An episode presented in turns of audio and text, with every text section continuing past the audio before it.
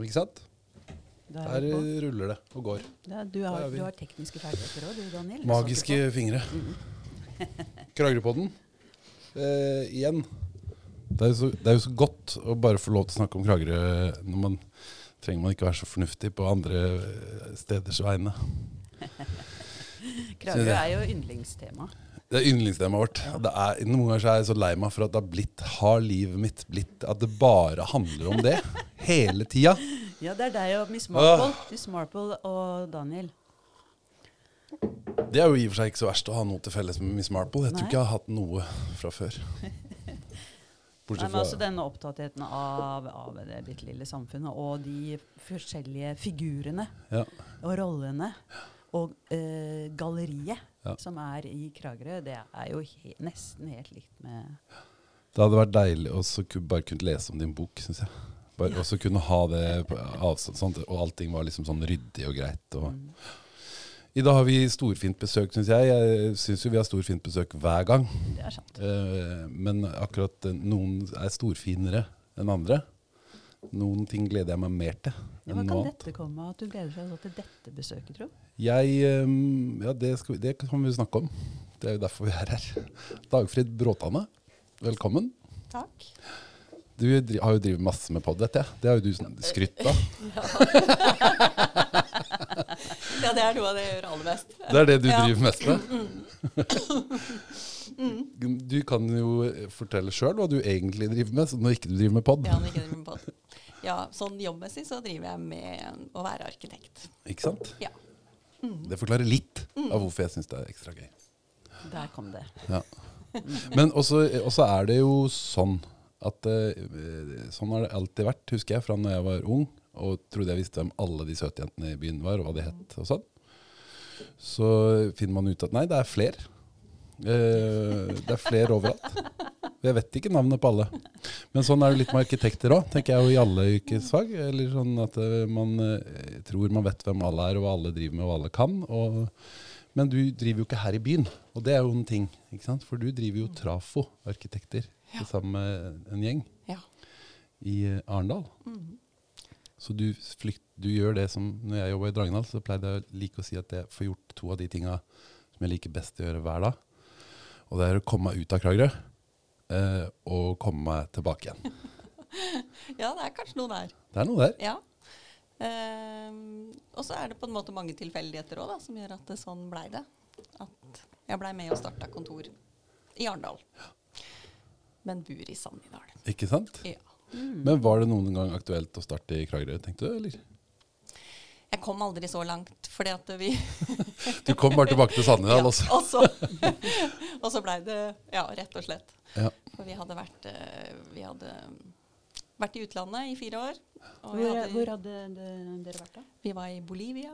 I Bolivia? Jobba i Bolivia i fire år. Oh, ja. Som arkitekt?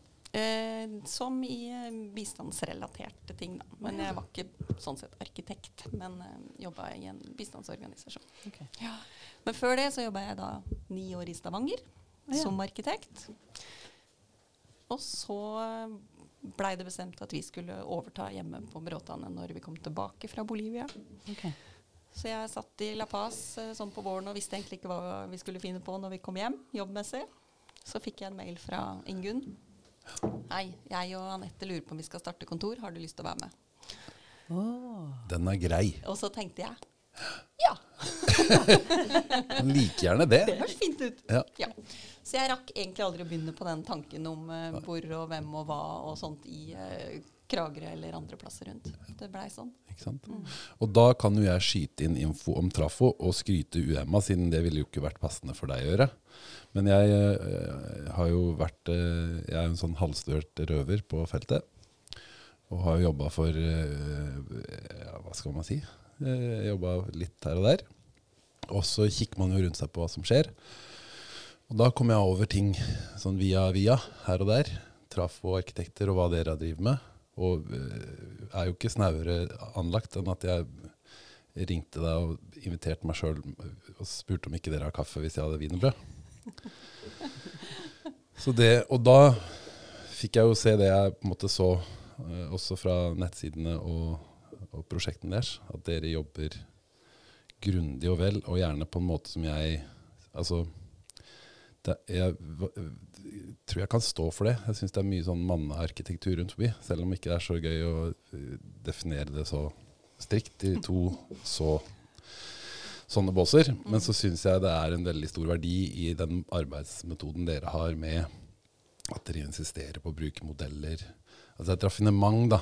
Og det er på en måte en Og det merker man, syns jeg. Jeg syns det er så tydelig i, i, i hele stemninga, hele, hele, hele uttrykket, da.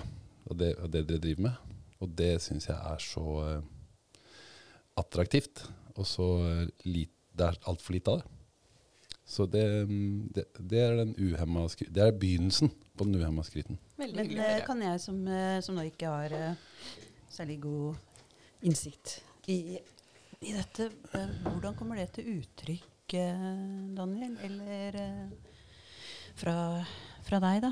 Hvordan kan det komme til uttrykk? Altså den eh, Når Daniel sier at han merker en sånn forskjell. Ja, si det. Jeg, er- jeg kan jo si hva jeg syns, men, Ja. det, men så kan du bare supplere etter hvert. Det blir, nei, det blir jo Altså eh, eh, Det er noe med farta. Det er noe med samtalen på et sted. Eh, og så ser du selvfølgelig på prosjekter, og du ser det på kan se, eh, Jeg syns man ser det liksom i pal palett, og man ser det på alle de, de forskjellige uttrykka som, eh, som kommer fra et kontor. da. Og når man får bekrefta det over en hyggelig lunsj, det er ingenting. Altså, det var ikke noe stress med noen ting. Jeg følte meg som jeg hadde vært der Det var bare én av dagene i uka. Eh, og vi fikk snakka om alt mulig, og jeg fikk lov til å være litt meg. Og, uh, det er ikke alltid jeg føler at det er greit heller. så nei, jeg syns det og, Nei, jeg syns jeg syns det man merker på veldig mange. Men så er det klart at så, så, så er det jo sånn Det er jo mange av dagens inntrykk som er overfladiske. Det er det. Så, men jeg, jeg ser i hvert fall at det ligger noe i viljen til å bruke litt tid på ting. Og det ser man spesielt, syns jeg, da, hvis man skal være konkret, så syns jeg det på å bruke skalamodeller i arkitekturen. Det, for det er det mange som ikke Nei, det har vi ikke tid til. Nå som vi har fått så gode 3D-programmer, så har vi ikke, har vi ikke tid til det. Fysiske skalamodeller. Og, og det har jo vært et verktøy i arkitekturen i, i tusen år, liksom. Så det, og bare der syns jeg man merker en vilje til å eh, En vilje til å bruke tid, da. Og jobbe med prosjekter. Er det, er det i, eh, i Arendal dere Vi Har- vel prosjekter fra vi sier sånn røftlig fra Oslo til Stavanger. Oh, ja. Ja, Ja. Men det er klart det er et sånn tyngdepunkt ja. rundt Arendal og Ja. omegn. Mhm. Så er det noen strøprosjekter i Kragerø. Mhm. Eh, og mange av de som er litt sånn leng langt borte, kaller jeg for sånne relasjonsprosjekter. ja. Fordi det er eh, noen som kjenner, Ja. og så var det de, og så var det broren til den, og så plutselig så er det sånne ting som gjør at, eh, at den havner inni, da, sjøl om det ikke er sånn akkurat uh, Mhm. til tusene. Men hvis du skulle fortelle hva, hvordan dere skiller dere ut i å arkitektmarkedet hva er forskjellen på dere og, og andre? Ja, altså der er det jo litt sånn uh, storby, Oslo og mindre plasser som, som gjør at det er Altså et arkitektkontor kan være mye forskjellig, da. Mm. Eh, og hvis vi tenker litt sånn i, i området her, Sørlandet, så er jo vi sånn sett et lite kontor. Eh, I motsetning til eh, mer sånn større som er del av større konserner, som òg driver med veldig store prosjekter. Og ja, de har egen planavdeling, de har egen avdeling for ulike ting. Eh, så er jo vi så små at vi egentlig driver med alt mulig. Mm. Eh, og vi tenker jo at det er ikke på en måte størrelsen på prosjektet eller altså Det er ikke det som betyr om det er interessant, eller om det gir en mulighet til å gjøre noe bra. Det er jo rammebetingelsene rundt. Eh, kunden eh, og det samarbeidet vi kan få til. Eh, ja, alle de andre tinga, da Mm. som påvirker. Eh, og derfor er det, kan det være like interessant å tegne en utedo som å tegne noe svært som koster masse. Og det tenker jeg også er veldig sentralt. da. For i hvert fall der eh, de stedene jeg har jobba før, så er det litt Nei, vi har ikke råd til å bruke modeller, og vi, har ikke, vi tar ikke de prosjektene, for det er bare tull. Vi skal ha de prosjektene. Men det å se på alt som en arkitektonisk utfordring, som kan være interessant, avhengig av den relasjonen man får til kunden, det er jo veldig mye Det er eh, snæsent. Ja. Og så er den jo En må på en måte En må komme i et tillitsforhold, da. Tenker jeg for at det skal bli best mulig. At, at eh, det er en gjensidig tillit, tillit mellom oss og kunden om at vi sammen skal på en måte prøve å få til noe som er best mulig innafor de rammene. Det betyr ikke at eh, kunden nødvendigvis skal ha masse penger, f.eks. Det er ikke det det går på. Men det er jo viljen, da, og som du sier, at, at vi òg får den tilliten vi trenger for å gjøre en god jobb. Eh, og at vi får lov til å velge våre måter å jobbe på, f.eks. da ved å bruke modell. Eh, og det, da når vi liksom får til det, så blir det veldig bra. Ja, ja. Ikke sant? Ja. Eh, Hvor mange er dere på kontoret? Ja, nå, nå blir vi fem arkitekter Ja. fra neste uke. Ikke sant? Det må vi, det må vi ikke, her må vi ikke la noe være skjult. For at i, nå er det jo sånn at dere har fått en ny ansatt i Trafo-arkitekter. Ja, Og her, det, verden er jo ikke større enn at uh, mora til den nye arkitekten sitter her og heter Marit Lalla. Ja, det fant jeg ut i går, da. Så, Så det er ikke derfor. Jeg skjønte det i går. Men det er jo utrolig hyggelig for Rebekka, mm. og, og selvfølgelig for meg også, for da er hun i en trygg havn Ja. i Arendal. Ja. og det blir kjempespennende. Mm. Nei, vi har i hvert fall veldig mye å gjøre. Så så det bra. skal bli veldig bra. Ja. Og det er faktisk det første stedet en begynner. tenker Det er noe med det når en begynner å jobbe som arkitekt. Ja, det er kjempeviktig. Ja. Og det, da er man også så heldig. Altså, jeg, det, nå fortsetter jeg bare med å si Jeg skal snart gi meg, altså. Men eh, man er veldig heldig når man eh, får jobbe med ordentlig. Altså når det, og kanskje, og fordi Skolen er jo litt sånn som jeg pleier å si om eh, arkitektskolen, og som jeg mener høyt og fast, selv om ikke jeg var der lenge nok. Så syns jeg jo det at det er sånt sted som utdanner gourmetkokker. Som eh, til største del ender opp med å flippe burgere på Statoil eller McDonald's. Og da er det noe med å komme til et sted der man fortsatt insisterer på å bruke noen av de krydderne som er, er total arkitektur, da. Sånn som modeller. Sånn som å se på alle oppdrag som interessante oppgaver. Ja, nei, det er, det er nok en sånn veldig stor forskjell Ja. på, på en tilværelse som arkitekt. Da. Om Ja. du sitter og tegner vindusskjemaer i to år, eller om du på en måte får følge et lite prosjekt fra A til Å med en gang. Ja, det er det. Og det har vel i og for seg Det kan jo jeg si òg. At det å jobbe der jeg jobba før, det var jo veldig fint på den måten at uh, man fikk tillit og ikke nettopp altså Vindusskjemaer er en ting, uh, Marit, i arkitekturen som vi kan si til alle. At i et stort prosjekt så, uh, så må man ha bestillingslister når prosjektet er ferdigtegna på hvor mange vinduer og hvor mange dører. Da har du vindusskjemaer og dørskjemaer.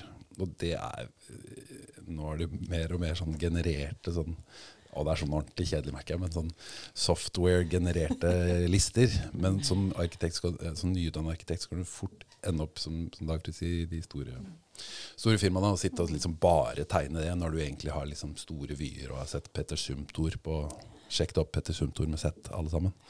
Um, uh, så kan man ende opp med å gjøre sånne ting. Det er jo ikke Jeg har faktisk sett noe av han i Østerrike. Ja, det har du kanskje også langs, langs de norske Ja. veiprosjektene. og Ja, jeg så sist et lite klipp av den derre Hva heter den gruve... Hva heter det Ja, gruveprosjektet hans oppi oppi Sauda. Oppi Det er der, der, ja. Er det Sauda? Ingunn har vært der. Ja, ikke sant? Det ser veldig fint ut. Men vi har spist lunsj ved bordet ved sida av Sumtor Har dere det? i Østerrike. Det er derfor dere er så gode. Det smitta over. Ja, det var faktisk eh, helt utrolig. Altså, hvilken by var det igjen? Det var eh, eh, Det er ikke langt fra grensa til, eh, til Sveits. Det er eh, et stort vann eh. Badeanlegget hans? Mm? Badeanlegget hans, eller? nei, det var et, eh, et eh, museum, skråstrek, utstillings, eh, kunstutstillingssted. Ja, ved en innsjø. Ja, En, liten, en ja. by som lå ved et innsjø. Ja. Ja. Mm. Eh, og, ehm, eh, og på en måte så kan man eh, beskrive det som en firkanta boks, men litt, eh, litt der, enn høyere det var der vi spiste lunsj ved sida av han utafor der. Ja. Var ikke det Det er et veldig fint by. Og det var så fint rundt Ja. og inni var det jo bare Ja. helt utrolig. Men det er som du sier, utvendig er det jo egentlig en boks. Mm. Og det kan jo liksom Det er jo ikke et sånt hedersord når han snakker om arkitektur, at det Nei. er en boks. Nei. Men eh, det er veldig, veldig fint. Ja. Og veldig fine rom. Ja. Mm.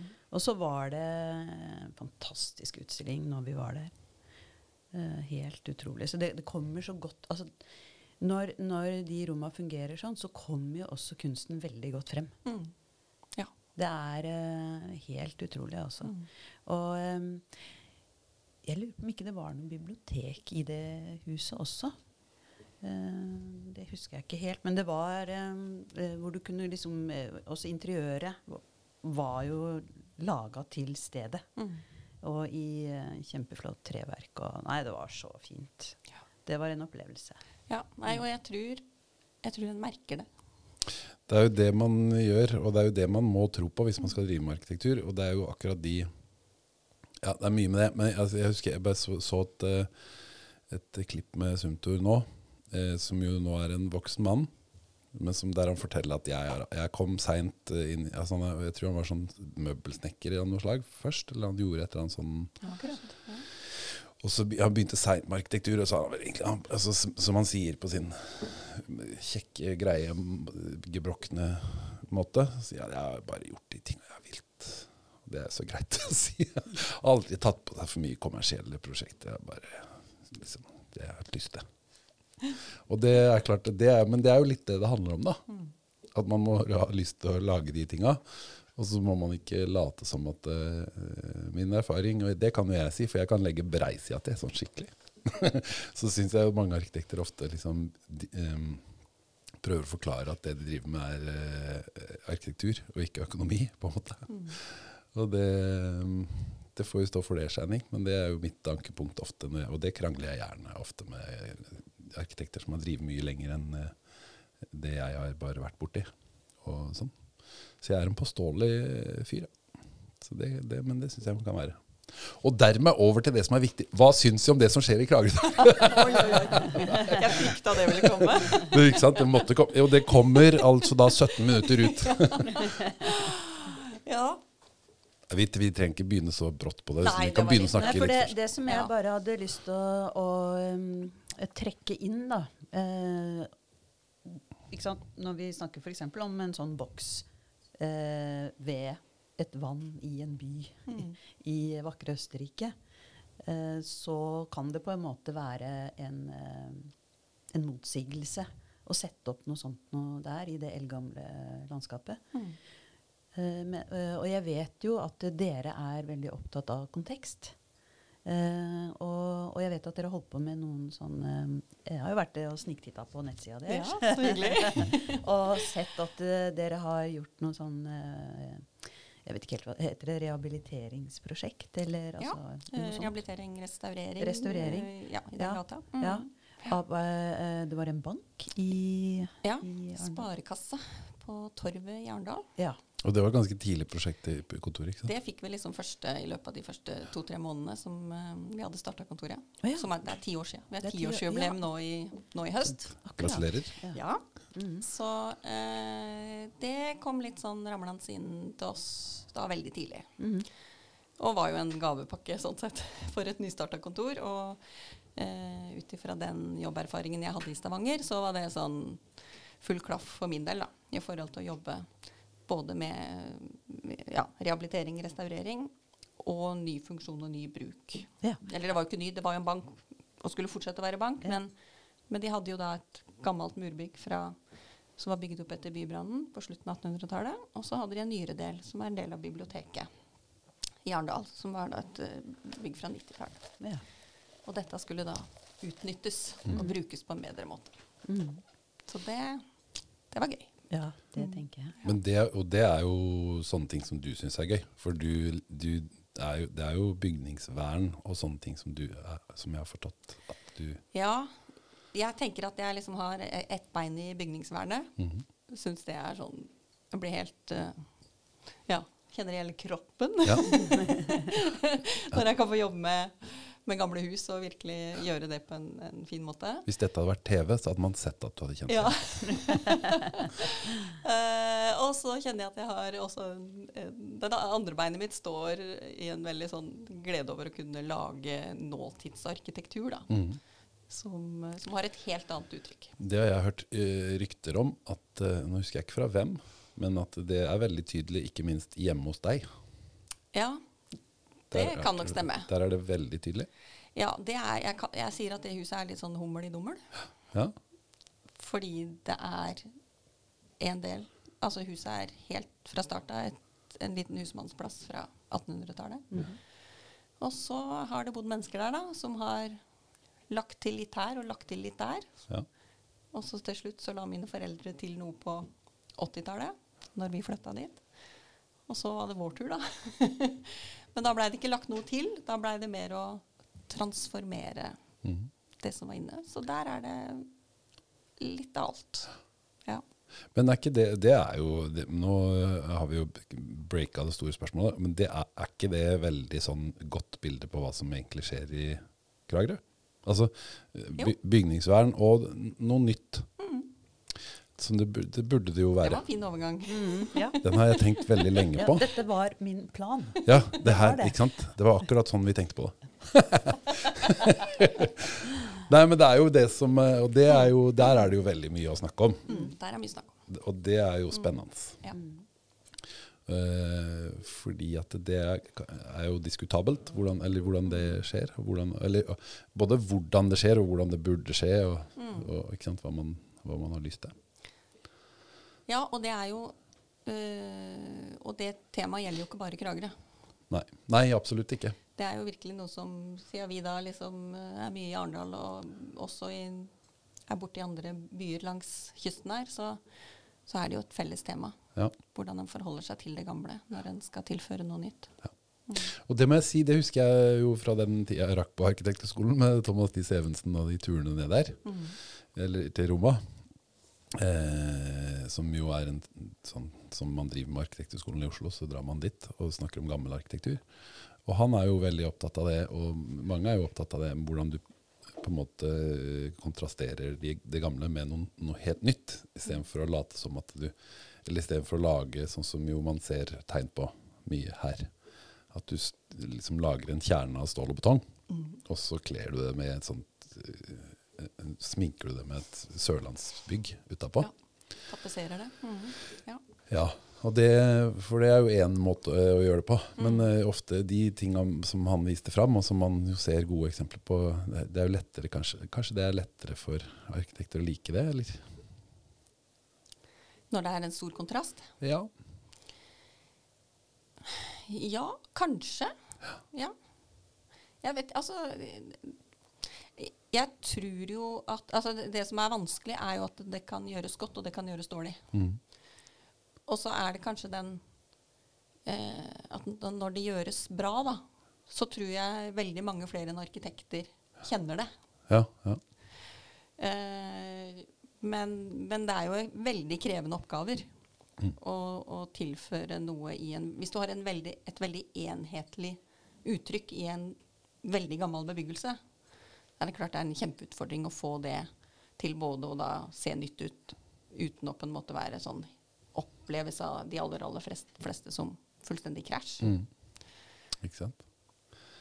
Men, ja, men det, er noe, ja, det er noe med den kontrasteringa der som, eh, som evner å altså På veldig sånn overfladisk måte, da, men som e- evner å, å fremheve Mm. Der begge to fremhever hverandre på en måte som Ja. Og et ord som Altså, vi eh, det kan bli jo fort litt sånn arkitektord og greier, det her. Men det er noe med lesbarhet, da. Mm. Altså i hvilken grad det er viktig og riktig å kunne forstå et bygg. Og da er det jo litt det å kunne gå rundt i Kragerø, så kan du på en måte lese veldig mange bygg. Du forstår dette er faktisk kjempegammelt. Dette er kanskje fra 1700-tallet.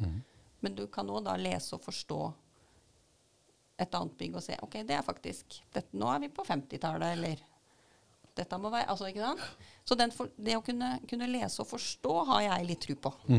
Og da er det litt det at jeg, at jeg er jo ikke så glad i det å måtte hva skal vi si, pakke det inn i sånn som du sier, med noe som ligner. da. og som på en måte prøver å se ut som om det er bygd for 200 år siden. Og så Mm. kommer du inn, og så, så er det jo ikke det. Det er en egen lesbarhet, det òg.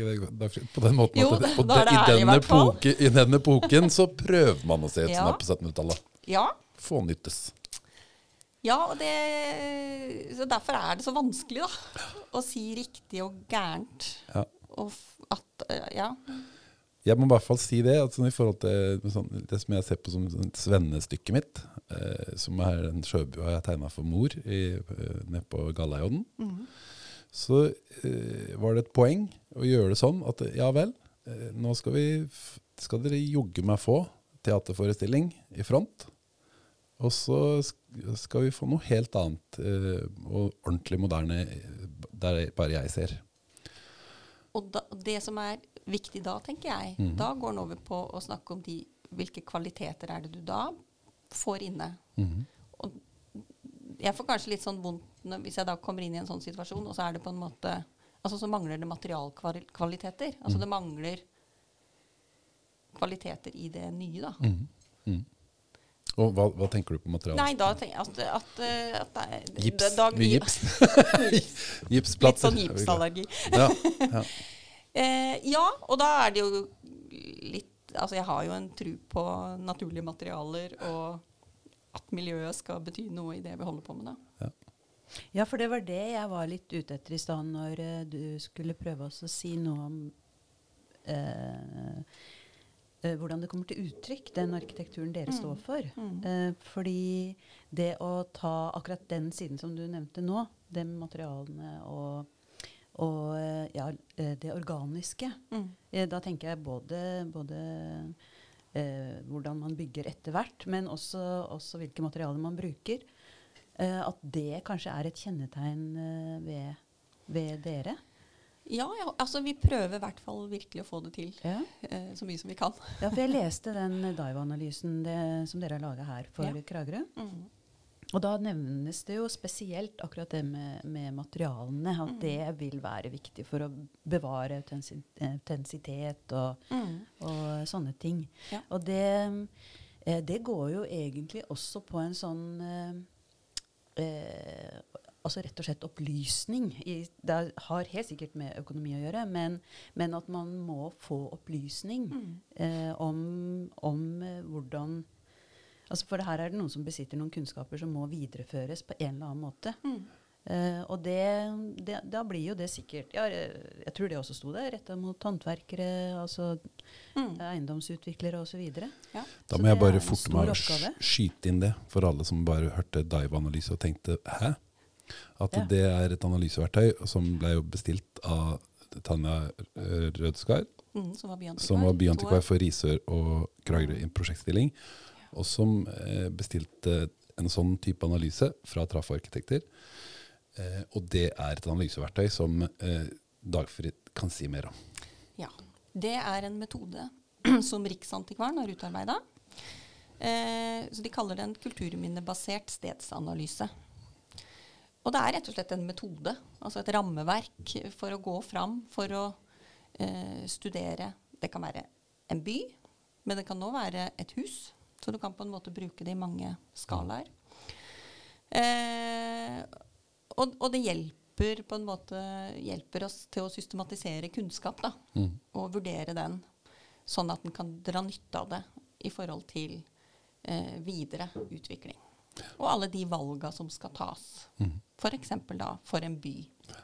Og der har jeg noe å si, men da men må vi passe på at du fikk svar på spørsmålet litt, eh, Marit, for at, siden dette var en innskytelse. Hva var I spørsmålet? forhold til, i forhold til materialvalg og sånn. Ja, ja, eh, Ja. og andre kvaliteter som, eh, eh, som må til for å kunne Sånn som du, dere skriver i den eh, analysen. altså at det er noe med, For først gjør dere en relativt grundig sånn historisk gjennomgang både på nasjonalt plan og så lokalt. Altså fortid og nåtid og hva dere kan se for dere fremover.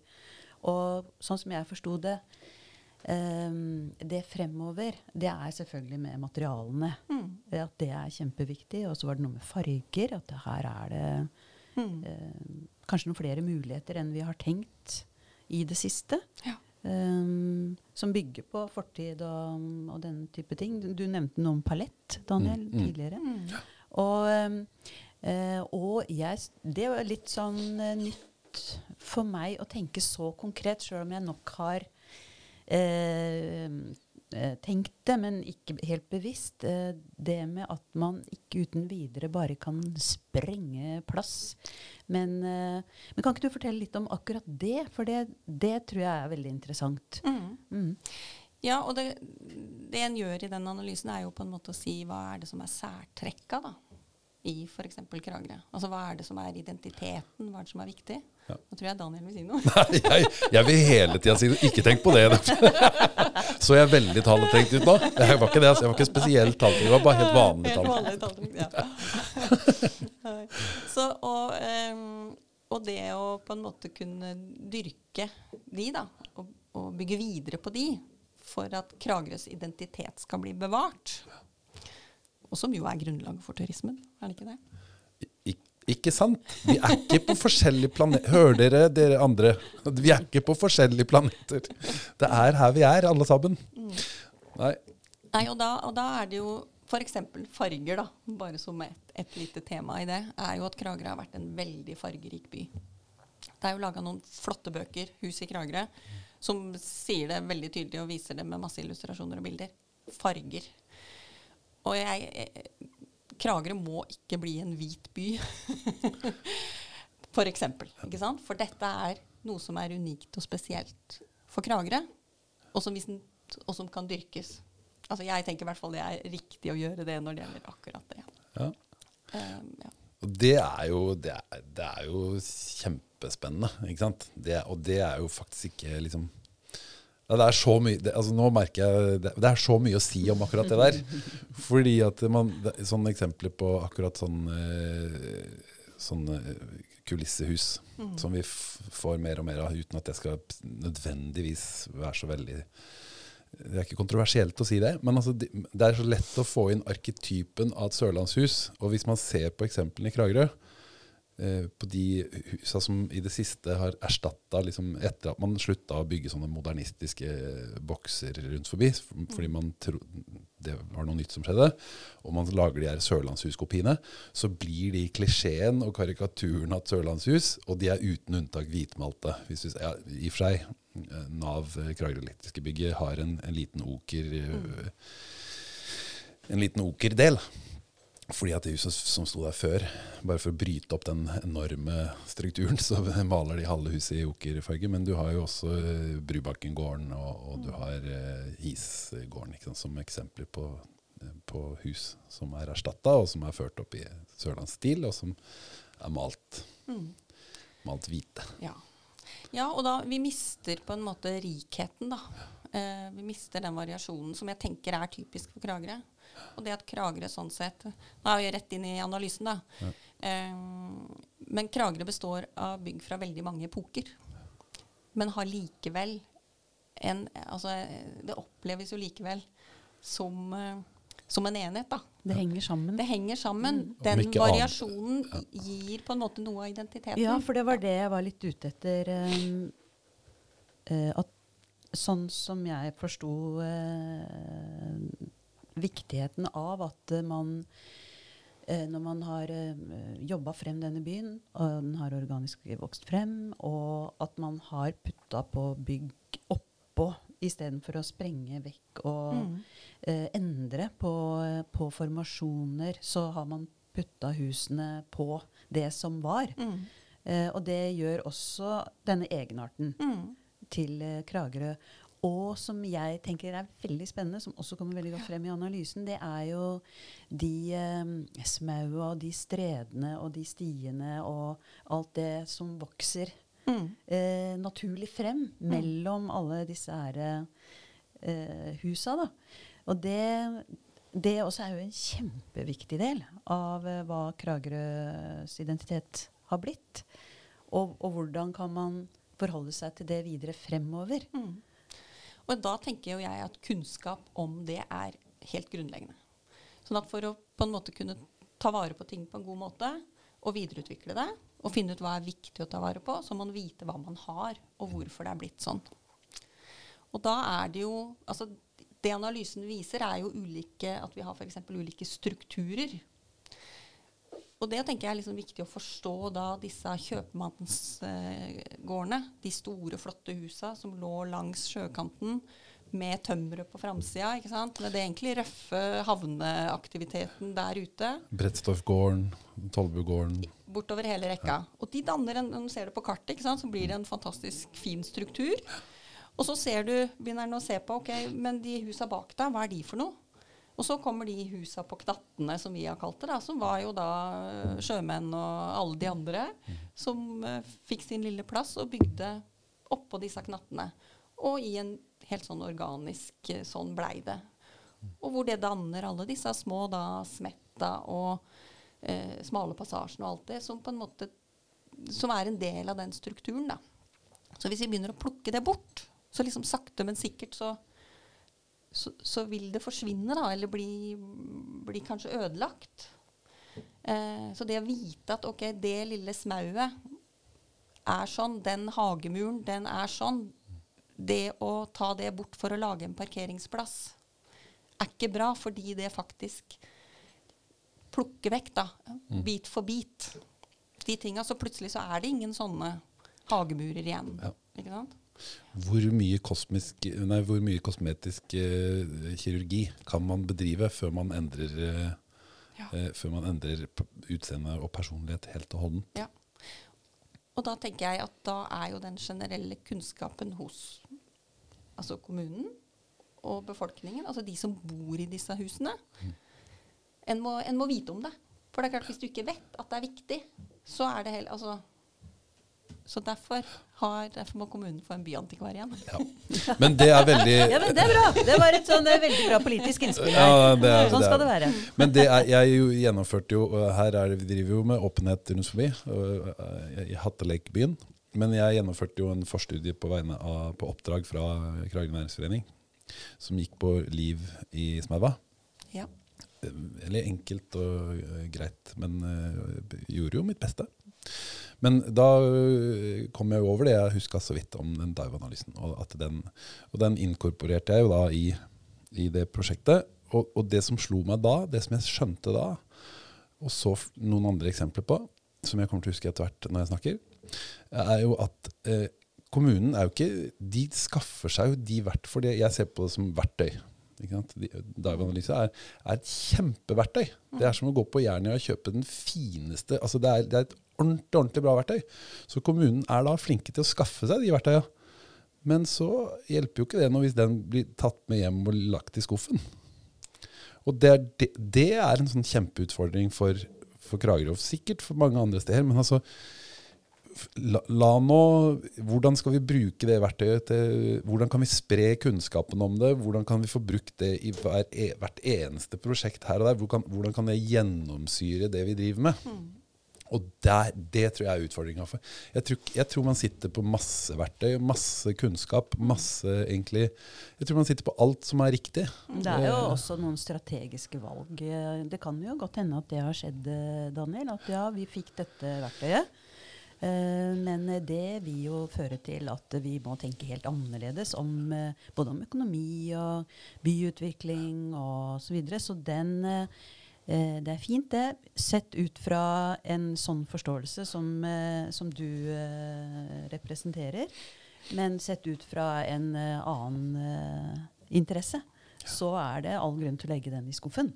Men det er, der, det er jo der skillet går litt. Eller, eller øh, kan gå, på en måte. Mm. Fordi øh, Eh, ja, jeg har ofte møtt det at du, nå, du, er, så, du, er, du er, mot utvikling. For, altså, for, å, eh, for å hva sier du for å sette det på spissen. Så har jo, hvis, I alt mitt engasjement her i byen så har jeg fått eh, beskjed Nei, men det er utvikling. Man kan ikke være mot utvikling. Nei, det er jeg enig i. Man kan ikke være imot utvikling. Det går ikke an. Så, så, men, men, det det handler om, er jo Skal du komme til et sted som har en billettluke, og der du ser en sirkusforestilling av en sørlandsby, der alt sier ja, sørlandsby, H-vinduer og hvitmalte tømmer, ikke sant? Eller skal du komme til et sted som skal, Kunne vi like gjerne satt opp et skilt der det sto Risør, Tvedestrand, Grimstad Her får du alt. Her får du liksom essensen. Eller skal vi insistere på at nei, det vi har her, produktet vårt her, hvis vi skal bruke de eh, begrepa da, som folk velger å bruke Det er jo ikke sånn at utviklinga er jo ikke noe vi bare nei, det er. Sånn er det bare. At det er ikke en eh, naturlov. Så det som er greia, er jo at vi må skjønne at det, det, ehm, Jeg blir ofte anklaga for ikke å ha nok teft. Jeg vil si tvert imot. Det er, det, som, det er der pengene ligger, gutter. Dere med slipsa. det er ikke så mange med slipsa som hører på. Men, eh, men dere med slipsa, det er jo her pengene ligger. Og det er jo ikke fordi at rødmaling koster mer enn hvitmaling. Det er bare kunnskap, dere. Det er så enkelt, altså. Jo, men altså, jeg, jeg liker også å sparke litt, da. Eh, Er fordi du djevelens advokat i det? Ja, men jeg, men, men ikke sant Vi har jo i, eh, i eh, Kragerø vært så heldige å få, eller uheldige, å få en, eh, en storkapitalist Uh, som har bare gått all in her. Hvem tenker du på da? Jeg, Han heter Ivar Tollefsen. ja, han. Og så har han et selskap som heter Fredensborg. Er ikke det? Fredensborg. Jo. Ja. Og uh, han går jo inn så mange steder. Altså over hele kommunen, eh, egentlig. Ute på øyer og ute på Stabbestad. Overalt. ikke sant? Og masse inn i byen. Og han har jo kjøpt opp eh, f.eks.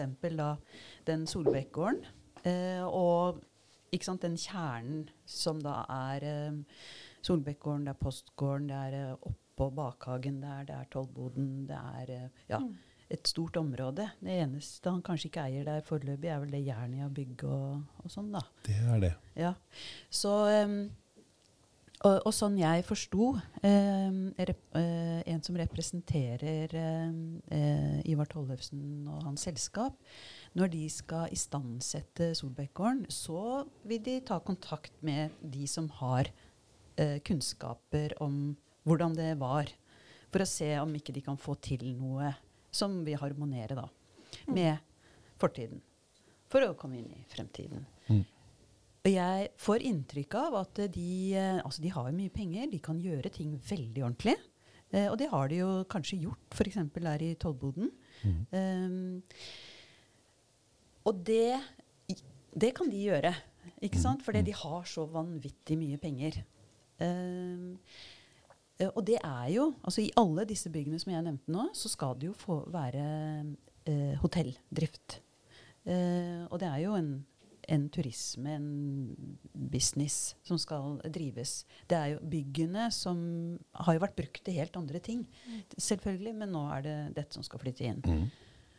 Og grunnen til at uh, denne interessen for å sette det opp, er jo antageligvis for å ha et, et ekte historisk sentrum som turistene kan gå og vandre i. Eh, og så har man da i ytterkantene eh, mer Ny, si, Nybyen. in, industriell bygging, da. Mm. Og det, eh, det undrer meg også. Eh, er det sånn vi vil ha det? Altså, vi snakka om Østerrike, sa. Så, eller, eller nedover i Europa, i alle disse gamle byene, så er det jo Man føler at det er litt kulisse inne i de eh, historiske sentrum. Og så er det liksom der folk egentlig lever og er. Det er jo i ytterkantene. Og det er også litt sånn pussig. Altså, da, da lager vi til dette sentrumet som et museum, eller hva man skal si, men med nye funksjoner. Og så eh, sånn, Jeg skulle på en måte ønske at det var litt mer integrert. da. Eh, at det var mulig for vanlige folk å leve og bo inne i sentrum, og at det var et, et, ja, et dagligliv. Uh, og da må man jo ta forskjellige hensyn. Ja.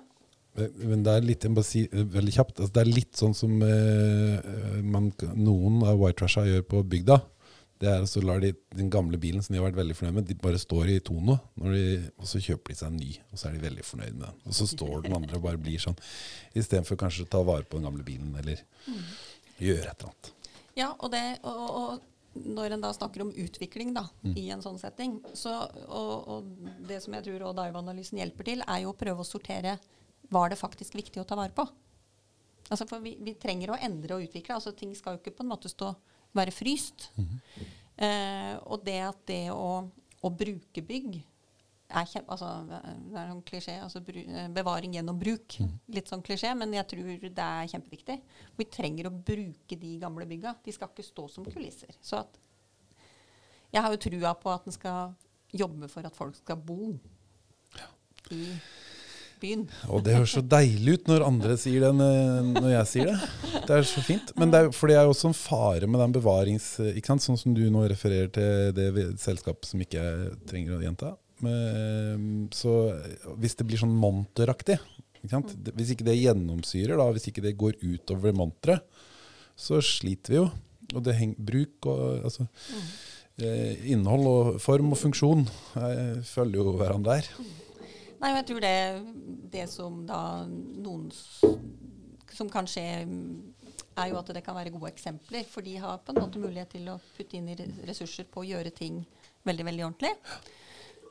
Så kan jo det òg bli eh, noe som eh, kan vise folk at det, det går an å bruke linoljemaling. Ja. Det går an å lage vinduene som ordentlige kopier, f.eks. hvis man skal ha en fasade som er en reell tilbakeføring. Ja. Mer en type replika. Ja.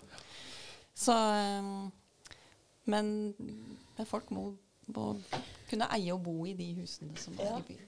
Altså, eh, nå, nå er det sånn, Av en eller annen grunn så snakker vi mye om Østerrike. Men, men jeg bare la merke til eh, eh, når jeg var der, at eh, når vi kjørte rundt i det fantastiske landskapet altså det, ligger jo, det, det området ligger mellom eh, Italia eh, og Sveits. Mm.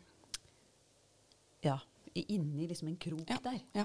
Um, I en dal var vi. Og uh, det, de er veldig bevisste på, på bevaring, ikke sant. Mm. Og det de f.eks. gjør langs veiene, så er det jo småindustri, og det er eh, salg sikkert av forskjellige typer ting og sånt noe. Men også de bygga er underlagt ganske sterke restriksjoner på hvordan de kan se ut. Altså sånn vi ser nå eh, fra hoved, altså hovedinnfartsveien til Kragerø, fra, fra eh, oppe ved E18 og nedover, så begynner det å pakke seg til med sånne bokser. Som ikke Det har ingenting med arkitektur å gjøre i det hele tatt. Men det har vi på en måte. Det er helt legitimt. Det er jo ingen som protesterer på det. Fordi ideen om det historiske, det er det vi tenker om i Kragerø sentrum, f.eks. Eh, eller på Gjøransberget, eller delvis inne i Tallakshavna. Og det syns jeg også er eh, Der trenger vi liksom å tenke litt nytt, tror jeg, og la oss inspirere f.eks. fra Østerrike. Det er én ting å, å la seg inspirere fra Østerrike, og det er mye annet man ikke bør bli inspirert av der. Men, men det bør man eh, eh, Fordi det har jo noe med, sånn som dere beskriver, altså det med formasjonene i landskapet, som brytes totalt. Men den estetikken, den er på en måte litt glemt. Mm. Hvor, hvorfor det? Hvorfor det? Ja, det lurer jeg på. Ja. altså det blir jo en Jeg tenker jo at det er mye At det blir mye som blir tilfeldig, da. Eh, hvorfor de bygga plutselig popper opp akkurat der. Og sånn har det jo for så vidt vært lenge. Altså det, er, det er jo mye tilfeldigheter som har forma omgivelsene våre. Men, men det hadde vært fint å, at det var en større bevissthet i forhold til den typen bebyggelse og funksjoner. da. Eh, selvfølgelig Nå blir jo mye samla på Fikkjebakke og langs veien der, men det å også tenkt at at den muligheten for Kragerø, med et industriområde med E18 gjennom, at den også der skulle legge til grunn eh, at det skulle være en god struktur, og at det skulle være et visse si, krav til estetikk, da, hvis man kan bruke det ordet. Eh, fordi det kunne altså, Da kunne det kanskje blitt også noe som var et sted hvor det var fint å oppholde seg og se ting. Ikke bare et sted en vil helst komme seg fortest mulig vekk fra. Sånn blir de ofte. De blir ofte sånn. Det er ikke, det er ikke stas å være på de store Altså på Stoa utenfor Arendal eller Sørlandssenteret i Kristiansand. Det er jo Det er jo ikke det er, Jeg kan ikke kalle det at det er arkitektur med stor verdi. Nei, Nei. men øh, er det øh, Er alle enige om det? Blir man, blir man fort, kan man bli oppfatta som litt sånn øh, fagsnobb når man sier det? Jeg tror kanskje ikke folk folk flest, hvis jeg skal si det, syns at det er veldig vakkert. En reiser dit fordi en skal handle. Ja. Men det gjør man gjerne. Det gjør man veldig Men det er fordi det er billig, og fordi det er gratis parkeringsplasser. Og, Ja. ja, Og sånn. fordi at det Hvis jeg kan si litt om Arendal, da. ikke sant? Altså Skritt for skritt så legger den viktige funksjoner ut av bykjernen. Mm. Nå er det ikke postkontor i Arendal sentrum. Det er Hvor er det hen? Nei, det er flytta ut i en post i butikk Mm. et godt stykke fra sentrum. Så hvis vi på kontoret skal poste et brev, så har vi vi må kjøpe sånn elsparkesykkel. Eller vi må kjøre i bil. Mm. Og da er vi midt i Arendal sentrum. Dette kan kanskje ha skjedd i Kragerø òg. Og sånne ting, da, når du på en måte tar bort funksjon for funksjon for funksjon, sånn at folk ikke har noen grunn til å oppholde seg i byen, da blir det jo folketomt, da. Ja. For vi, går, vi, vi reiser til byen for å gjøre ditt og datt. Vi er jo tross alt på en jobb eller et eller annet på dagtid. Så hvis ikke vi har noen grunn til å bruke byen, så blir det veldig lite mennesker som oppholder seg der. Men det, det er jo en utfordring for de gamle byene her, hva de skal brukes til nå. Når de en gang lå sånn som Brettstorfgården og hadde en veldig sånn klar hensikt i forhold til strate som strategiske punkt, så er det jo sånn Og det er jo egentlig en sånn 50-60 år gammel problemstilling fra, fra USA. Det her med å kunne kjøre til døra, parkere gratis, gå tørrskodd rundt forbi uten å fare for å bli overkjørt. eh, inn til en food court der du bestiller mat fra. ikke sant? Den uh, har jo etter hvert kommet til Kragerø òg, etter de 60-åra. Ja. Og det, eh, men igjen så vil jeg hevde at liksom fortrinnet altså Det som kjøpesenter prøver på å få til, og det her har jeg sagt før, men det syns jeg har vært i god Donald Trump-stil å si igjen. Men eh, altså det- de prøver på, er jo å stæle fra steder som Kragerø. Kort, sjarmerende, hyggelig, eh, eh, nært, personlig. De prøver jo å ta den modellen, og så har de bare gjort den litt bedre. Og da tenker jeg at en idé vil være å, ta, å stæle tilbake igjen, med de triksa de har. Gratis parkering, øh, eventuelt tørrskodd. I hvert fall uten biltrafikk, og offentlige toaletter som funker her og der. Eh, og så har vi tatt innersvingen igjen. Altså. Så må de finne på noe. Da må de gi vekk ting gratis for at de skal få folk til å komme til seg. Jeg tror til og med liksom grenlandsfolk hadde syntes det var hyggelig å komme til Kragerø. Til og med de! Men, men, eh, men er det ikke litt sånn at eh, også kjøpesentrene mister jo publikummet sitt? Ja, det gjør de Så det, det der med forestillingen om at uh, vi mennesker vil ha det sånn Altså vi vil ha det sånn at vi kjører bil, og at vi parkerer på stygge parkeringsplasser og går inn i disse skrekkelige kjøpesentrene, monsterbygga, og er inne i en sånn kunstig verden i timevis. Det, det er ikke sikkert det er sant. Altså fordi at eh, vi slutter å gjøre det. Eh, og særlig, altså, Vi kan slutte å gjøre det, fordi at nå er det internett, og vi kan bare bestille. Og så kan vi gå og hente sånn post i butikk eller få det i postkassa hjemme. Og, um, eh, så det blir jo en det blir en omstrukturering eller en um, Ja, man, man, altså det blir nye ting vi må gjøre i disse eh, fellesskapsområdene, da. Ja. Og jeg, eh, der mm, tror Altså det å liksom skulle ønske seg at alle disse by, bykjernene blir fulle av butikker igjen, sånn som du, du snakker om. Eh, jeg ville virkelig håpe at det var mulig. Men jeg tenker sånn sett at ok, det, det er ikke sikkert vi kommer helt tilbake dit. Men da tror jeg at det å tenke at det er, at det er boliger, altså at folk bor der, sånn som de jo gjorde. Da var det butikk i første, og så budde folk oppover. Og det budde masse folk oppover. Eh, nå Det er veldig interessant det du sier. ja, det, og nå, så, så liksom det å si at nei, det, da vi, vi må prioritere å få til det. Altså Vi må prioritere at folk sånn sett kan tilrettelegge og tilpasse disse bygga til å bo der. Mm. Veldig bra. For det vil i hvert fall gjøre at Og det, hvis noen bor der, så har de lyst til å gå Altså Da stikker du ut i den kiosken Ja, eller den lille butikken. Eller du tar med deg det på veien. Men hvis ingen bor der, så Mm. blir det jo mye mer sånn Ingen bor der. Det er ikke butikker der. Nei. Det er ikke noe som foregår der. Altså Det er kafeer, Mm. restauranter, kanskje noen suvenirbutikker. Mm. Noe sånt noe. Men det er der, ikke sant? Det er der ikke sant? feriebolig, altså, eller bolig. Og hvis, ferie, hvis faren er jo da ikke sant, ferieboligland, da trenger du jo bare en kulisse som slås på en gang. Så det kan du åpne de sommersjappene. Mens det er forskjell da fra hvis du driver bolig og faktisk folk trenger ting rundt forbi. Ja.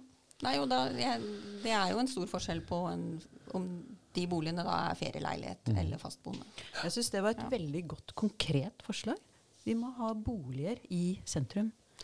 Ja, jeg tenker at det er på en måte en sånn en faktor da, som på en måte vil generere Det vil i hvert fall generere positive ting. Mm. Um, og jeg tror folk altså er, jeg tror det er mange, Hvis en tenker liksom folk som flytter hjem til Kragerø, da. at, at det er klart mange har, eh, har kanskje barn, og de har lyst, på, lyst til å bo mm, eh, med litt hage og sånne ting. Og det er det jo masse muligheter til. Men jeg tror også det er folk mm, som har lyst til å bo mer urbant. da. Um, og bo liksom i den småbyen eh, og litt tettere. Men apropos det. eh, For eh, dere var også opptatt av å understreke betydningen av hager og grønne små Ja. lommer og Det er viktig. Ja. Ja, og det er jo veldig når en ser da på kartet og tegner opp de, de gamle hagene som faktisk da hørte til de store kjøpmannsgårdene. Altså, Tollboden er jo et godt eksempel. Så var det jo flere store hager bakover. ikke sant? Og de hadde husdyr, og det var små uthusbygg bak de store kjøpmannsgårdene. Og den strukturen, den er der, men den forsvinner jo litt sånn litt for litt, den òg. Så det å liksom reindyrke disse grønne flekkene i de ulike typene bebyggelse, da, det er kjempeviktig. Og det gjelder også de småhusa. Alle de der små, små på knattene. At disse små grønne flekkene ikke forsvinner og blir erstatta med parkeringsplasser, f.eks. Men er det, kan vi kjempe imot altså den der utviklinga som vi er, er det mulig? Altså er det mulig å innføre sånn Vi skulle jo hatt en med, av de med slips her, Ja, altså, ja og men jeg har jo tro på den kunnskapen da, som vi på en måte var innom tidligere. At, at det at folk får den kunnskapen og blir bevisste, da tror jeg mange flere vil være med og passe på da, de små tingene og tenke å ja, kanskje ikke jeg skal ta vekk det epletreet som står litt sånn rart der likevel, fordi det, det er med på å, å bidra til å opprettholde noe som har vært her nå i noen hundre år. Ja. Eh, Du tror kun, kunnskap i seg sjøl er nok? Nei, ikke nok, men Nei. jeg tror det er en bit av det. En, en god, god, et Ja. godt skritt på Og vei? jeg tror det er jo liksom den der oppsummeringen, den Dive-analysen, da. Ja, Hvis vi kommer litt tilbake til den, sier jo at, at en, må, en må faktisk jobbe på veldig mange fronter. Mm. Um, og jeg tenker jo at det at Kragerø absolutt burde hatt en byantikvar, som Mm. kunne være et sånt punkt for folk og for kommunen eh, til å formidle kunnskap. Og at folk altså La oss si sånn, litt sånn klassisk noen skal skifte et vindu. Hva gjør man da? De aller fleste vil jo da kontakte en håndverker. Ja. Sier du det vinduet, vi, vi trenger å skifte det vinduet. Det, det ordner du, ikke sant? Ja, ja. Vet da den håndverkeren hva slags stil bygget har, i forhold til hva slags type vindu det skal ha? Det er ikke sikkert. Svar nei. Nei. Vet den håndverkeren hvordan det vinduet skal være utført? Sånn som eh, planene for Kragerø sentrum sier de skal være, med kittfalls. Det- altså det er kjempemange detaljer der som er sånn veldig, veldig konkret kunnskap, men som betyr så mye, da. Totalbildet etter hvert. Mm. Hvis den håndverkeren da har en byantikvar, som man kan ta opp telefonen eller stikke innom og si du, eh, vi skal skifte et vindu her, hva er det som er riktig å gjøre der? Hva er riktig i henhold til de bestemmelsene som gjelder for sentrum? Og så er, er de konkrete råda lett tilgjengelig. For eksempel. Da tror jeg vi kan liksom Ja. Kanskje sånn skritt for skritt, skritt for Men jeg synes også, jeg er helt enig med deg. Altså kunnskap og kunnskapsformidling og sånn. Men det er også, det oppstår noen sånne skikkelig kule ting innimellom som på en måte er med i en sånn positiv eh, utvikling. Sånn som vi rundt bordet her tenker er en positiv utvikling. Da, da tenker jeg f.eks. på den eh, badstua som du holder på å eh, lage, Daniel. mm. Det er jo kjempetiltak eh, som er en eh, en enkel, human, økologisk bra. Altså bare bra, liksom. Det er ikke noe sånn der hyperkommers, altså Det ødeleggende, mer, mer, mer. forurensende, stygt. Altså, Og det kan er- hives på dynga i morgen! Ja, ja, ikke sant? Det kan, ja, det, den kan, ja, det er så bra. Og det er jo så enkelt! Jeg skulle til å si det sjøl. Ja men, ja, men ikke sant? Det er sånne Og, og det, det har man gjort noen steder i Norge, og det blir veldig populært. Og det er enkelt, liksom. Vi bare bruker elementene. Men vi trenger sånne som deg, Daniel. Folk som lager, går på, eh, gjør ting. Som, og, og så tenkte jeg på de der uh, er sikkert veld, Jeg er sikkert veldig naiv også, men jeg tenkte på de der uh, Plutselig så var det kjempepopulært med sånne kasser hvor du putter oppi jord og frø. Og så kan det liksom bare gro. Eh, og det er litt med den der eh, selvhjelps... eh, Pallekasser, tenker du på? eller? Ja, ikke sant? At, eh, at ja. plutselig så var det veldig lettvint å eh, lage en sånn kjøkkenhage. Mm. Eh, og det, det, det altså, Jo mer det blir av sånne litt enkle ting for folk, å se at ja, men Og som er veldig hyggelige, og som er hva skal vi si, riktige hermetegn når det gjelder økologi og det organiske og miljø, og være ute og ta vare på bla, bla, bla. Altså få frem flere av sånne, hva skal vi si, positivt gitte prosjekter. da. Det hadde vært, det er også en greie, tror jeg. For det har vært mye sånn eh, Det er tungt, negativt, altså sånn, eh, tror jeg, rundt det her med, med vern og bevaring, og det er freda, og det er så mange sånne kategorier, og det er rødt, og det er ditt og datt, og folk blir helt stressa Ja. av eh, ja. Ja, og, og da er det òg litt sånn viktig å vite ok, hva er viktig å ta vare på, og hvor kan vi på en måte slippe, slippe ting løs. da, Ja. Innafor noen gitte rammer. Men hvis den, liksom, hvis den litt sånn klamme bevaringsånden bare legger seg overalt, Mm. så blir det jo litt krevende.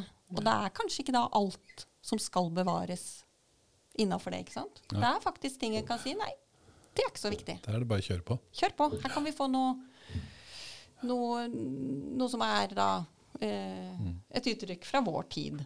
For det er jeg, jeg er ikke redd for det. Jeg tenker at, at uh, mye bebyggelse tåler absolutt nye ting. Men, men det må gjøres på en bra måte, da.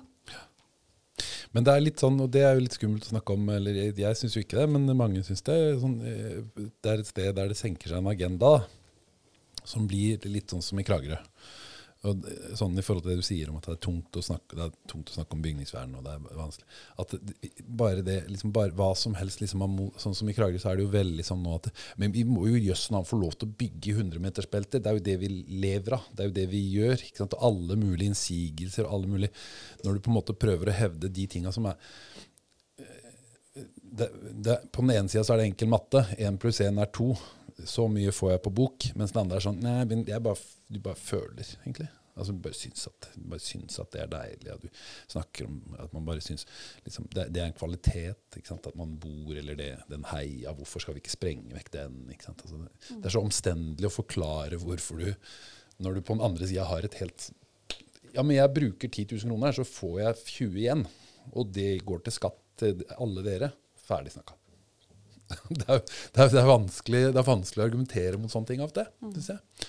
Og jeg, og jeg syns jo at man kan se eksempler på det spesielt i Kragerø, at, at agendaen, at liksom diskursen er nå på et sånt nivå da, i forhold til ting som jeg, som jeg syns er vanskelig. Og så, og så opplever jeg ofte at det, Og det har jeg også lyst til å snakke med deg om, Dagfrid. Altså det er, for mange av de som driver med det vi driver med, er litt feige. Man tør ikke å si noe. Fordi man er redd for kunder og oppdrag og man, man, markedsposisjoner og sånne ting. Ja. Det er ikke det, det er sant. Er ikke det sant? Jo, det tror jeg. Hvis man har folk i arbeid og sånn, så må man Ja. Nei, det er jo En har jo liksom lyst til å overleve, på en måte. Ja. Ja. Uh, Så man må vekte orda sine litt òg. Ja, det, det vil vel være unaturlig at den ikke gjør det. Men, jeg, jeg, så, som, men den må jo kunne snakke om ting, da. Ikke sant? Ja. Eh, rett og slett. Ta, fordi det, det er jo Og da er jeg litt sånn analytisk, på en måte. Det er jo på en måte mulig å, å ja, se på fordeler og ulemper Pluss og minus. Ja, Mm. men sånn hvis hva om at det. Sånn at den får et mer enn bare den derre følelses... Åh, liksom. Ja. Nei, men jeg kjenner for, eller Ikke sant? litt sånt. Ja. Blir litt mer Hvor, hvordan kan vi spisse argumentene våre? Fordi tinga, det er litt sånn nå. Ja, ja. Hvorfor mener vi det? At det er bra å gjøre det sånn, da. Ikke bare si ja, men jeg syns at det skal se ut sånn. Men hvorfor syns jeg det? For det ligger en logikk bak, som oftest. Ja, ikke sant? Men apropos det, så syns jeg Jeg har snakka med flere av de andre som driver med det vi driver med her i byen. I det siste om det å faktisk Altså, det er nok av ting å være uenig om. Og det er nok av ting å ikke å være på en måte forsiktig med å uttale seg om pga. det ene og det andre. Men går det an å finne noen ting som man sier at dette er vi faktisk helt enige om? Dette har vi lyst til å stå for. Dette kan vi stå fram og mene trygt og godt, alle sammen. Og uten å være redd for å tråkke noen på tær- tærne. Og det, det, er litt sånn, det er en litt sånn lakmustest på, på hvor, eh, hvordan den agendaen er, da. Kan vi det? Altså Kan man gjøre det? Og da mener jeg at det finnes noen Og da kan jeg nevne en enkel enkeltting eh, sånn som f.eks. Um, I Kragerø har vi lavterskeltilbud for, for beboels, altså for boliger for de som virkelig har manglende boevne. Og det er lagt til Lindviksdalen oppe på, på Storkollen boligområde. ikke sant? Noe av det nyeste.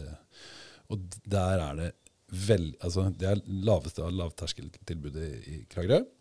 Eh, og det er utrolig eh, liten bokvalitet. Ja. Og det er utfordrende, og det er vanskelig, det er vanskelig for, for beboerne.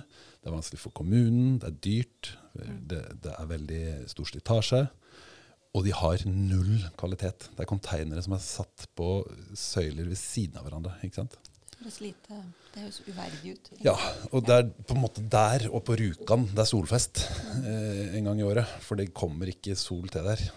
Jeg tror det nesten er liksom Og det, eh, det hadde ikke kosta oss mye å kunne stabla de på altså, det, hadde, det er klart man kan se for seg et prosjekt der man går inn og bruker masse tid. Altså, men det er, ikke, det er ikke nødvendigvis veldig mye skal til før vi kan si at vi stabler de sånn, vi lager et rom vi, ikke sant? Og som ikke, I verste fall så hadde det kosta kommunen like mye.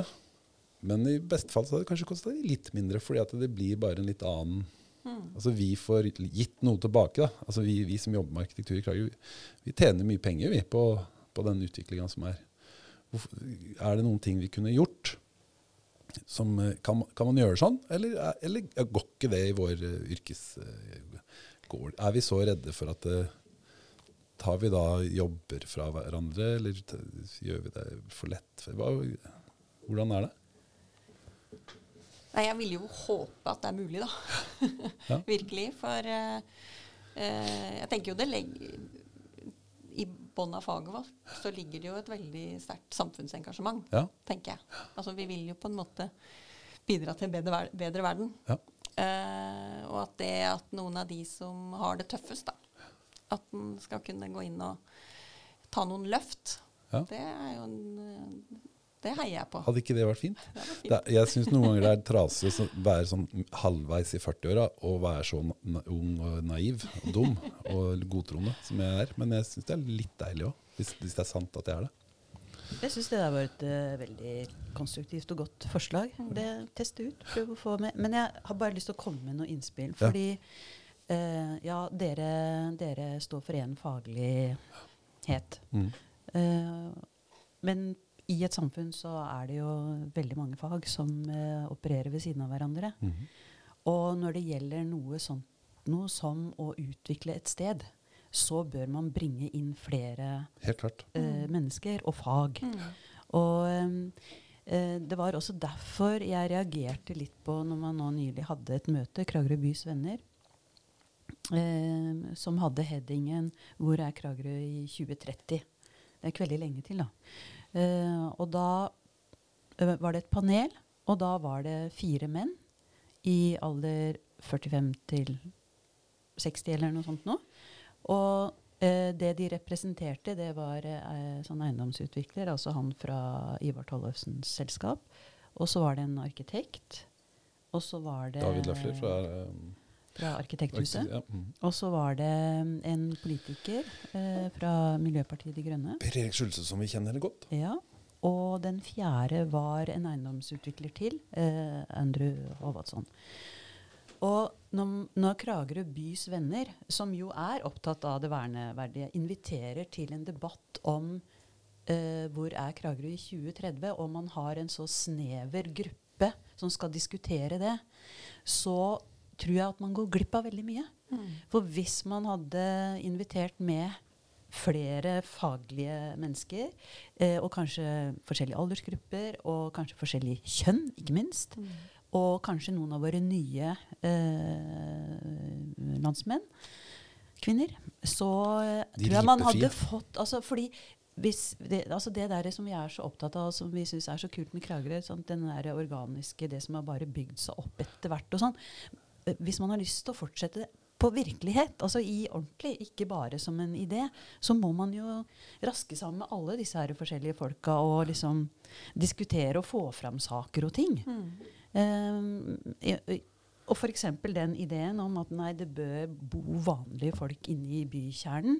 At det kommer frem. Og, og, og det jeg tenker sånn for våre nye landsmenn eksempel, så måtte jo det være som eh, altså, fantastisk om en kunne fått til sånne litt tette, gode bomiljøer med masse naboer, og at det var midt i byen. Og, eh, og så, så bra for Kragerø det hadde vært. Om plutselig vaska hang ute mellom trehusene igjen. ikke sant? Altså, eh, men det er der jeg tenker at eh, vi er kanskje blitt så spesialiserte at det er bare Nei, arkitektene de kan uttale seg om det.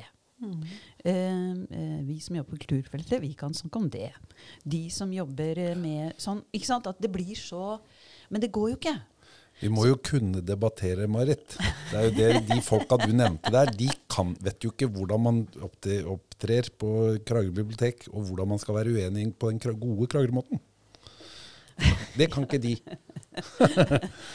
Nei, men altså Hvis man vil ha det konglomeratet, det livlige, det der fine, flotte, det som vi er så glad i og Det er jo ikke bare her i Kragerø, men det gjelder jo liksom eh, de fleste steder, tror jeg. Folk som er åpne, interesserte, vil ha eh, input. Altså, ja.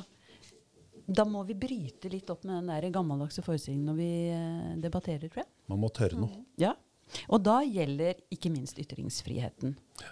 Eh, men det er på små steder så er det farlig å uttale seg om, uh, om mye. Farlig det er gjelder for de som jobber i kommunen, det gjelder de som uh, driver med eiendomsutvikling. For man har så mange interesser. Man har så, du pleier jo å si vi har så mange hatter. Det er hattlekene. Vi har sitter jo Ja. her med tusen hatter hver. Ja. Det gjør Ikke du da, Dagfrid, så mye? Du, Ja, nei, det er jo litt fredelig. Deilig. deilig. Men det er en fordel med altså det der, eh, med å bo og jobbe på to forskjellige steder, da. Kanskje? Ja, det kjenner jeg litt på. At det, det er noe Men blir, vi, blir litt nuppet av og til når du åh, Du må kjenne litt på den. Åh, at du bare får lyst til å dra ned og begynne å rydde opp. Ja, nei, det Sånn sett var jo liksom Dive-analysen en litt sånn kjærkommen mulighet da, Ja, ja, ja. til å mene noe om Kragerø. Ja. Men jeg må huske at jeg er fra Sandidal, da, så det er klart litt sånn på Ja, ja. Jeg det står jo litt sånn på utsida Ja. i utgangspunktet, men kanskje det å ha et litt, så, litt bitte lite blikk fra utsida, da. Ja. Du er mest opptatt av at det skal gå bra på alt de. Ja. Dere vet det er i Sandidal det skjer. Det er der det skjer. Det kommer faktisk en helt ny E18 der. Dere Ja, Det har jeg også hørt rykter om, og det er visst eh, Det er visst også en del av redninga vår. Den skal i hvert fall ikke gå gjennom hagen min lenger, så jeg er jo happy. Det må jo være deilig. Å ja. Ja, Der er vi inne på helt nær, de nære ting. De nære ting. Ja. Ja. Men så kommer det en jernbane òg. Ja. Men den vet vi ikke helt hvis Nei, vi tror på. det er jo vanskelig å planlegge både vei og jernbane samtidig. Ja, det er veldig vanskelig. Ja. To tanker i huet, som de pleier å si. Ja. Samtidig. Så det skyver vi litt på. Ja, ja. Mm. Men eh, det er jo fantastiske ting eh, av eh, verneverdige ting oppover i Sannidal og Det er det virkelig. Ja. vet du. ja. ja. Eh, jeg kan jo fortelle om et lite morsomt prosjekt Gjør det. som heter Speiderhytta på Hofstølen. Oi, oi, oi. Ja. Har dere hørt om det? Nei? Er det sant? Jo, men jeg har kanskje hørt noe Ja. veldig lite om det. Men det sier litt om hvor eh, Ja. sentrums eh, i, i, ignorante vi er her nede i Men da kan vi Enda du har flytta ut på heia. Jeg har ut Ja. på heia, så det hjelper seg litt. ja, det hjelper. ja. Men da kan vi løfte blikket litt. da. Ja, ja.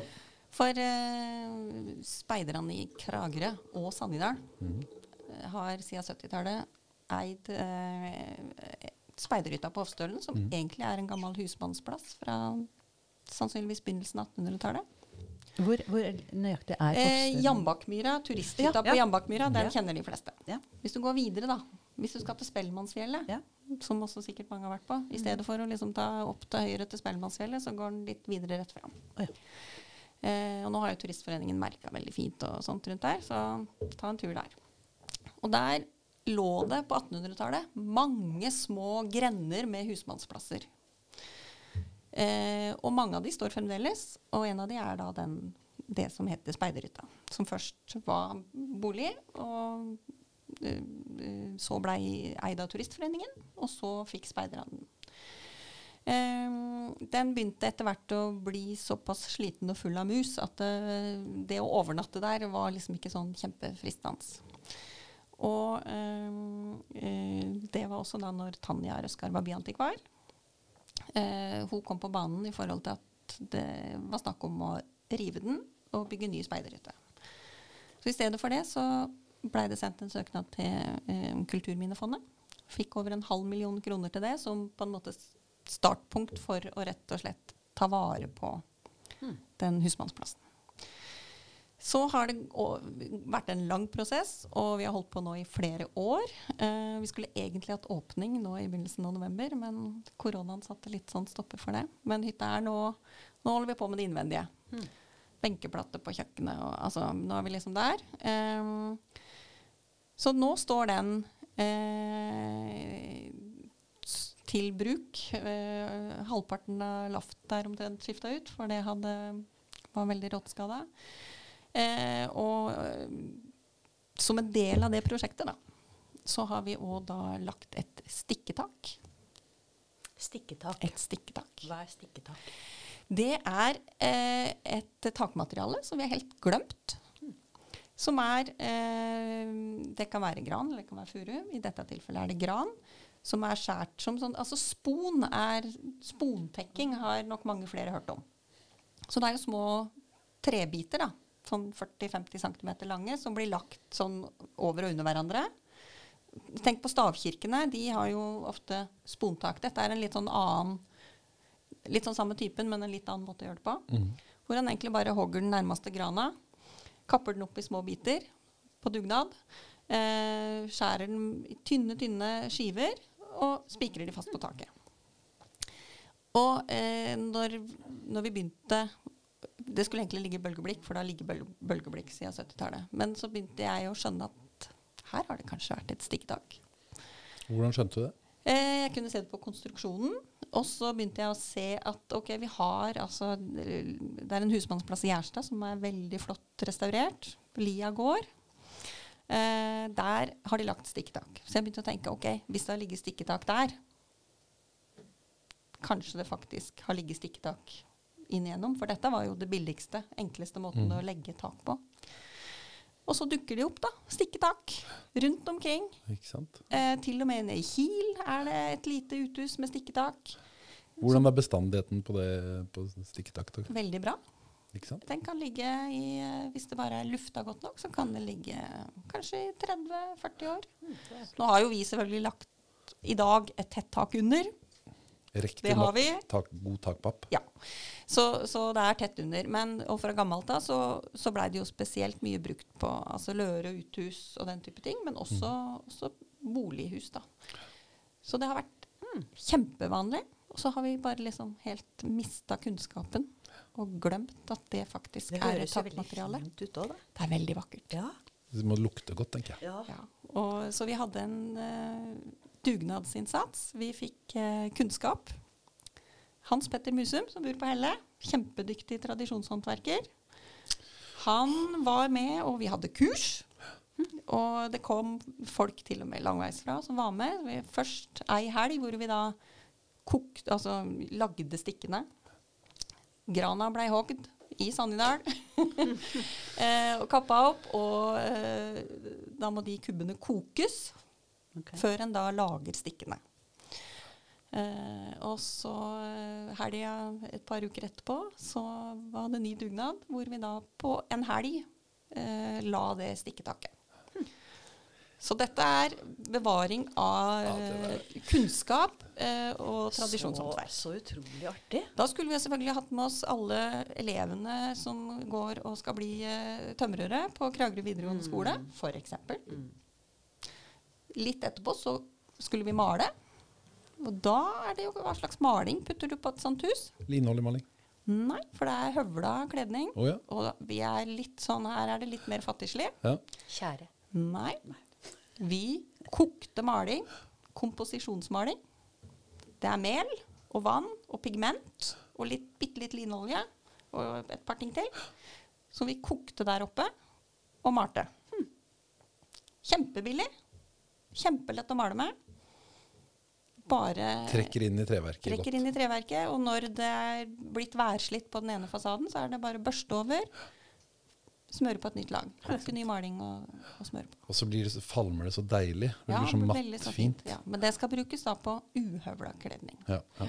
Mens hadde det vært Hva slags eh, farge ble det, da? Det er rød. Så da er det et sånn tradisjonelt rødt pigment fra, som er, kommer fra en gruve i Sverige. Men ikke sant, falurød. Ja. Ja. Men altså, så det der er eh, det, Hvetemel? Men det, Ja, der, der det er kan rugmel. folk Det er eh, rugmel, ja. ja. Jeg malte en gang eggoljetempera inni Ja. en leilighet jeg hadde. Det var også en vanvittig Men da hadde jeg med ekspertise.